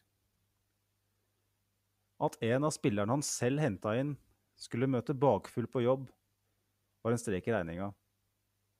Men etter alt å dømme oppdaga han det ikke før spillerens selvbiografi ble lansert 15 år senere. For et hat trick på ti minutter fra en debutant var ikke hverdagskost. I alle fall ikke en med piplende kaldsvette og drønnende tømmermenn. Men denne unggutten var noe helt for seg selv. Noen år tidligere hadde Michael Owen som 16-17-åring etablert seg i elveren til Liverpool. Likevel var de lærde ikke i tvil. Arsenals gullkalv var et enda større talent. Det største i England siden Paul Gascoigne. Dessverre hadde dagens mann litt for mye til felles med Gassa. Den gudbenådede teknikeren klarte aldri å overbevise Arsen Wenger om at han var et fullgodt alternativ til Freddy Jungberg. Kun et par måneder etter det oppsiktsvekkende hat tricket ble han lånt ut til Leeds. Det viste seg å være en av ytterst få gjennomtenkte avgjørelser for Leeds på denne tiden. Leiesoldaten fikk hele 36 ligakamper for klubben, som prosjektilbæsja så heftig på leggen at de stirra avgrunnen i hvitøyet. Prosjektilbæsjing på legg skulle dessverre også definere Arsenal-karrieren til dagens X-spiller. Etter det sensasjonelle hat tricket mot Southampton starta han kun fem ligakamper for Arsenal. Wenger hadde sett nok. Vaksinert mot punktlighet som han var, kom han gjerne bakfull på jobb etter sene frokoster på McDonald's. En toppidrettsutøver med hermetegn, som fikk Niklas Bentners dedikasjon til karrieren til å virke som en 40 år gammel Ole Einar Bjørndalen. Det største talentet i engelsk fotball fikk så overgangen Gareth Bale så vidt unngikk. Birmingham ble neste stopp. Og kontrasten til Bale, som var nær ved å ende opp som en like stor flopp, kunne ikke vært større. Noen paralleller er det dog. Man kunne gjerne sett for seg det daværende stortalentet med en T-skjorte med påskriften McDonald's, Bacardi Rass, Arsenal, in that order. Til tross for spilletid i en Champions League-finale og noen tegn til glimtvis klasse, var også resten av karrieren preg av en bunnløs dedikasjon til diaré på egen legg. I sin elleville selvbiografi forteller han åpenhjertig om pinlige bravader. Som for eksempel da han og kompisene behandla det motsatte kjønn som gater i et monopolspill. Dersom en av dem planta flagget i et nytt bekjentskap, måtte eventuelle fremtidige buksvogere betale leie til mannen som først hadde parkert hos den aktuelle kvinnen. I stedet for å havne i Gabels gate eller på Rådhusplassen med, med hus og hoteller i lys lue, burde nok dagens X-spiller gått rett i fengsel. For det ble ikke bedre. Fyllekjøring, notorisk utroskap og trekanter med Ashley Cole. I alle fall ifølge ham selv. Han er vel også en av få som har spilt Premier League med fotlenke. Etter opphold i bl.a. Liverpool og Stoke ebba karrieren ut med skandaler og opphold i storheter som FC Pune City og Tampines Rovers. Et av Englands største talenter noensinne skulle nok ønske at han kunne rykka tilbake til start. Til da han var så god at han kunne møte opp dritings på jobb og skåre hat trick på ti minutter. Tenk hvor god Jermaine Pennant kunne vært om han møtte opp edru til avtalt tid. ja. ja. han er jo en skikkelig hva hvis-spiller, han her. Jeg eh, så på karrieresettet hans underveis her.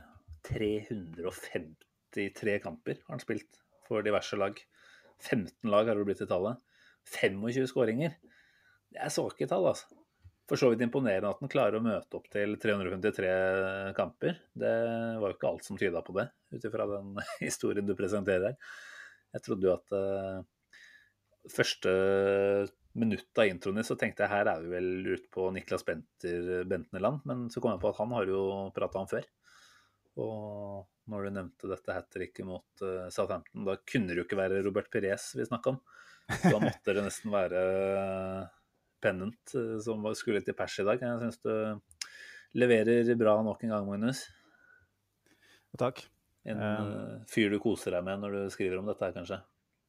Ja, eh, absolutt. Eh, det er jo eh, litt trist samtidig, selvfølgelig. Eh, historiene kan jo fremstå som litt sånn artige, eh, sånn som en monopolhistorie og sånn, men det er jo mm. først og fremst trist. Jeg leste litt grann om oppveksten hans i etterkant her, og sånn sett burde jeg kanskje vært litt mer skånsom. Men du er nå på en måte sånn at du blir det du spiser, som hun sier. Du, du, må ta konsekvensen for dine egne handlinger. men han ble vel eh, eh, Mora hans faka sin egen død for å unngå å ta ansvaret for den, eh, fordi Oi. at faren hans var svart. Å. Det er drøyt. Er faren hans var da en, en drug dealer som stadig vekk hadde våpen på seg. Og, så han hadde en mm. veldig veldig vanskelig oppvekst. Og mm. det forklarer nok forklarer nok hvorfor uh, han har blitt som han har blitt. Men uh, igjen, da. Det, han må for så vidt stå til ansvar for sine egne handlinger, og han har gjort veldig veldig mye dumme ting. Eh, og det tenker jeg sånn som fyllekjøring eh, mm. og, og, sånt nå, Voldsepisoder og det er ting som Det er ikke greit uansett, da. Nei, du Altså unnskyldninger Eller måter å forklare på har man jo for så vidt, men det funker jo ikke som en unnskyldning allikevel. Idioti er jo idioti uansett eh, bakgrunn, på en måte. Men uh, nei da, det er uh, det, det, var ikke mange kampene han fikk i løpet av nasjonalperioden sin. Det, og det er jo for så vidt med god grunn. Det er synd at ikke Det var jo åpenbart et gigantisk talent. Og tenk å få lov til å være unggutt eh, i Arsenal på den tida der. Tenk hvis du evner å gjøre det maks ut av en sånn situasjon, så er du plutselig verdensstjerne de neste ti åra, ikke sant. I hvert fall med de, mange av de forutsetningene han hadde. da. Det er klart Han hadde jo åpenbart andre negativ, negative sider ved historien sin også. Men uh, det, det, var vel uh, Ja, det var vel de tre måla mot Southampton som var høydepunktet. Og det, det kom tidlig i karrieren. Han skårte vel ingen flere mål for Arsenal etter det. og han, uh, han har vel ettertid antyda at om det er han sjøl eller om det er noen folk rundt den som har gjort det, så er det i hvert fall det at kanskje burde han ha tatt et mellomsteg utafor rampelyset. Uh, og blitt voksen i en, eh, en, klubb som ikke var så kjent, hvor det ikke var et sånt søkelys. Uh, det å bli voksen i, med det søkelyset han fikk, den nye Gassa, ikke sant, og bedre Michael Owen og uh, under Arsen Wenger med Berkamp og Henry rundt seg. ikke sant, det, er noe med hvis du på en måte ikke har de beste forutsetningene for å takle noe sånt, da, så får du på en måte så mye rampelys som er mulig å få. Så kan det gå feil, og det, det gjorde det til gangs, selv om, selv om man har eh, Jeg må jo si eh, levert noe brukbart, ettersom han fikk spille en Champions League-finale og en FA Cup-finale. Blant annet. Eh, og det er jo eh, Nåløyet er jo så trangt, ikke sant, at eh, hvis, hvis, du, hvis du klarer å spille i fast og jevnt i Premier League over en periode, og sånn, så da har, du, da har du vært relativt dedikert, eh, om ikke annet, sjøl om sånn, han har kasta bort et uh, talent som kunne tatt den til ekstreme høyder. Absolutt. Ja, nei, det er uh, bare å angre bittert i etterpåklokskapens uh, lys. Så håper han ikke blir spist opp eh, innenfra eh, når han ser tilbake på karrieren sin og åh, tenker hva, hva kunne jeg ha fått til med litt annet eh, litt andre valg underveis. Jeg vet ikke hva han driver med nå. Han har vel lagt i- skoa på hylla for en god stund tilbake, i hvert fall. Ikke at vi skal bruke for mye mer tid på han nå, men uh, la opp i 2017, se, for siste klubb var Bildery K Town. Eh, Har ikke sett han på TV eller noe sånt som noe pundit-innslag vel heller. Så Han, eh, det her er faktisk en ganske eh, Ikke igjen, da, eh, tragisk, men morsom historie, på sett og vis. Han er vel Han ble jo henta inn til Sky Sports uh, i en uh, Jeg vet ikke hvilken kamp det var, men han ble skrota i pausa. OK. Eh, han, var med, han var med før kamp, men eh, de bestemte seg for at han, han kan vi ikke ha med i pausa. Oi. Ikke etter kamp. Og dette må jeg lese opp, og helst se om jeg kan finne den YouTube-videoen. Jeg håper den ligger ute et eller annet sted. Ellers så har han vært med på Celebrity Big Brother og sånn, og Ex on the Beach tror jeg han har vært med i. Det er ikke overraskende, merker jeg. Så han, eh, han er seg sjøl lik. Ja. ja, men takk for eh, bra levering, i hvert fall. Nydelig. Jeg vet ikke om vi bare må prøve å runde av der, så vi kommer oss i havn eh, på, på anselig tid. Nå er det jo to kamper i uka. Forhåpentligvis lang tid framover. Hvis det blir avansement i, i Europaligaen, så blir det mye fotball framover. Vi tar vel sikte på å komme tilbake med ny pod etter eh, Manchester City på søndag, er det vel? Ja. Tenker det, stemmer. det, får være nok. Folk har vel eh, mer enn nok andre både podcaster og andre aktiviteter å finne på enn at de vil høre på oss to ganger i uka. Og vi har vel fort ikke tid heller til å få til denne hyggelige daten, må vi nesten kalle det, på en uh, Valentine's Day. Eh, to ganger i uka. Så vårt uh, faste eh, på, på en gang i uka der, det prøver vi å holde videre på. Du har eh, en hundetunge å, å holde selskap med, og Ja, jeg skal ned og bli slikka ganske godt nå snart, jeg. Så kan det, var det du sa, Simen, eh, før eh, innspilling? At det begynte å være noe lipstick-aktivitet eh, der òg? ja, det er fascinerende hvordan den dreier seg ut eh, hos minstemann. Uh, Hørtes veldig feil ut. Bikkjas minstemann her. Nei, men uh, nå får uh, den praten legges eh, til sida. Kan vi ikke bare oppsummere dagen i dag da, med å si at Arsenal begynner å se ut som et uh, brukbart fotballag, i hvert fall. Nå har vi jo ikke bare denne kampen å se tilbake på, det er en lang periode med mye bra. Eh, til tross for det så er vi fortsatt på tiendeplass eh, på tabellen, men eh, Tottenham eh, kommer vi stadig nærmere.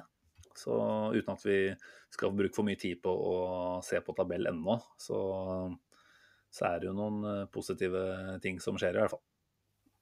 Ja, nå er det egentlig bare å ta seg en bolle med krem eh, for samtlige og tenke på at at det er en sjanse for at eh, St. Tottenham's Day faktisk kommer eh, denne våren. Åh, kjenner eh, Begynner å bli litt svett på innsida av hendene når du sier det, faktisk. Deilig. Vi håper på det. Men ja, vi i hvert fall bare avslutte med å si at vi setter stor pris på om du som lytter har lyst til å gi oss en like på Facebook eller en follow på Twitter. Om du har lyst til å sende inn spørsmål eller egne tanker som vi kan ta med inn i podkasten, så er jo det veldig ålreit også. Eh, Nå er for så vidt du SoMe-ansvarlig, Magnus, så det er jo du som stort sett uh, svarer og legger ut og sånt der. Men, uh, men, jeg oppfordrer i hvert fall alle her da, til å, til å bli, med i, bli med i gruppene våre. Så, så, blir det en stadig bedre diskusjon også. Yes. nei, vi kan vel bare avslutte med å si at alle får ha en veldig fin uke.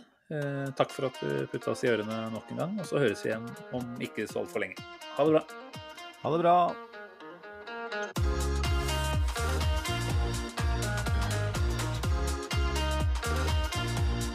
This train terminates here.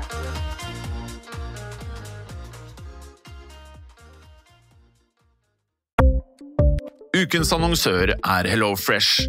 HelloFresh er verdens ledende matkasseleverandør og kan være redningen i en travel hverdag. Mange av oss har nok vandret i butikken både sultne og uten en plan for middagen, som ender med at vi går for de samme kjedelige rettene gang på gang. Middag burde være dagens høydepunkt. Som HelloFresh kan du nå velge mellom 25 ulike retter hver eneste uke, eller få HelloFresh til å sette sammen menyen for deg. Dette gir deg muligheten til å prøve nye og spennende retter alene eller sammen med familien. Du velger antall porsjoner og får alt levert på døren på et tidspunkt som passer for deg. Oppskriftene er enkle, og maten er lett å lage både for store og for små. Ved å få alt levert hjem får du også mer tid til å dele matgleden med familie og venner. Kanskje det frister med asiatiske tacos eller greskinspirert kylling? Da kan jeg anbefale deg om å gå inn på hellofresh.no. Her kan du bruke koden FOTBALL og få opptil 1779 kroner i rabatt på de første fem matkastene hvis du ikke har prøvd Hello Fresh tidligere. Du kan også bruke rabatten hvis du har vært kunde og stoppet abonnementet ditt for tolv måneder siden eller lengre. Gå inn på hellofresh.no og bruk koden FOTBALL. Har du et enkeltpersonforetak eller en liten bedrift? Da er du sikkert lei av å høre meg snakke om hvor enkelt det er med kvitteringer og bilag i fiken, så vi eh, gir oss her, vi. Fordi vi liker enkelt. Fiken superenkelt regnskap.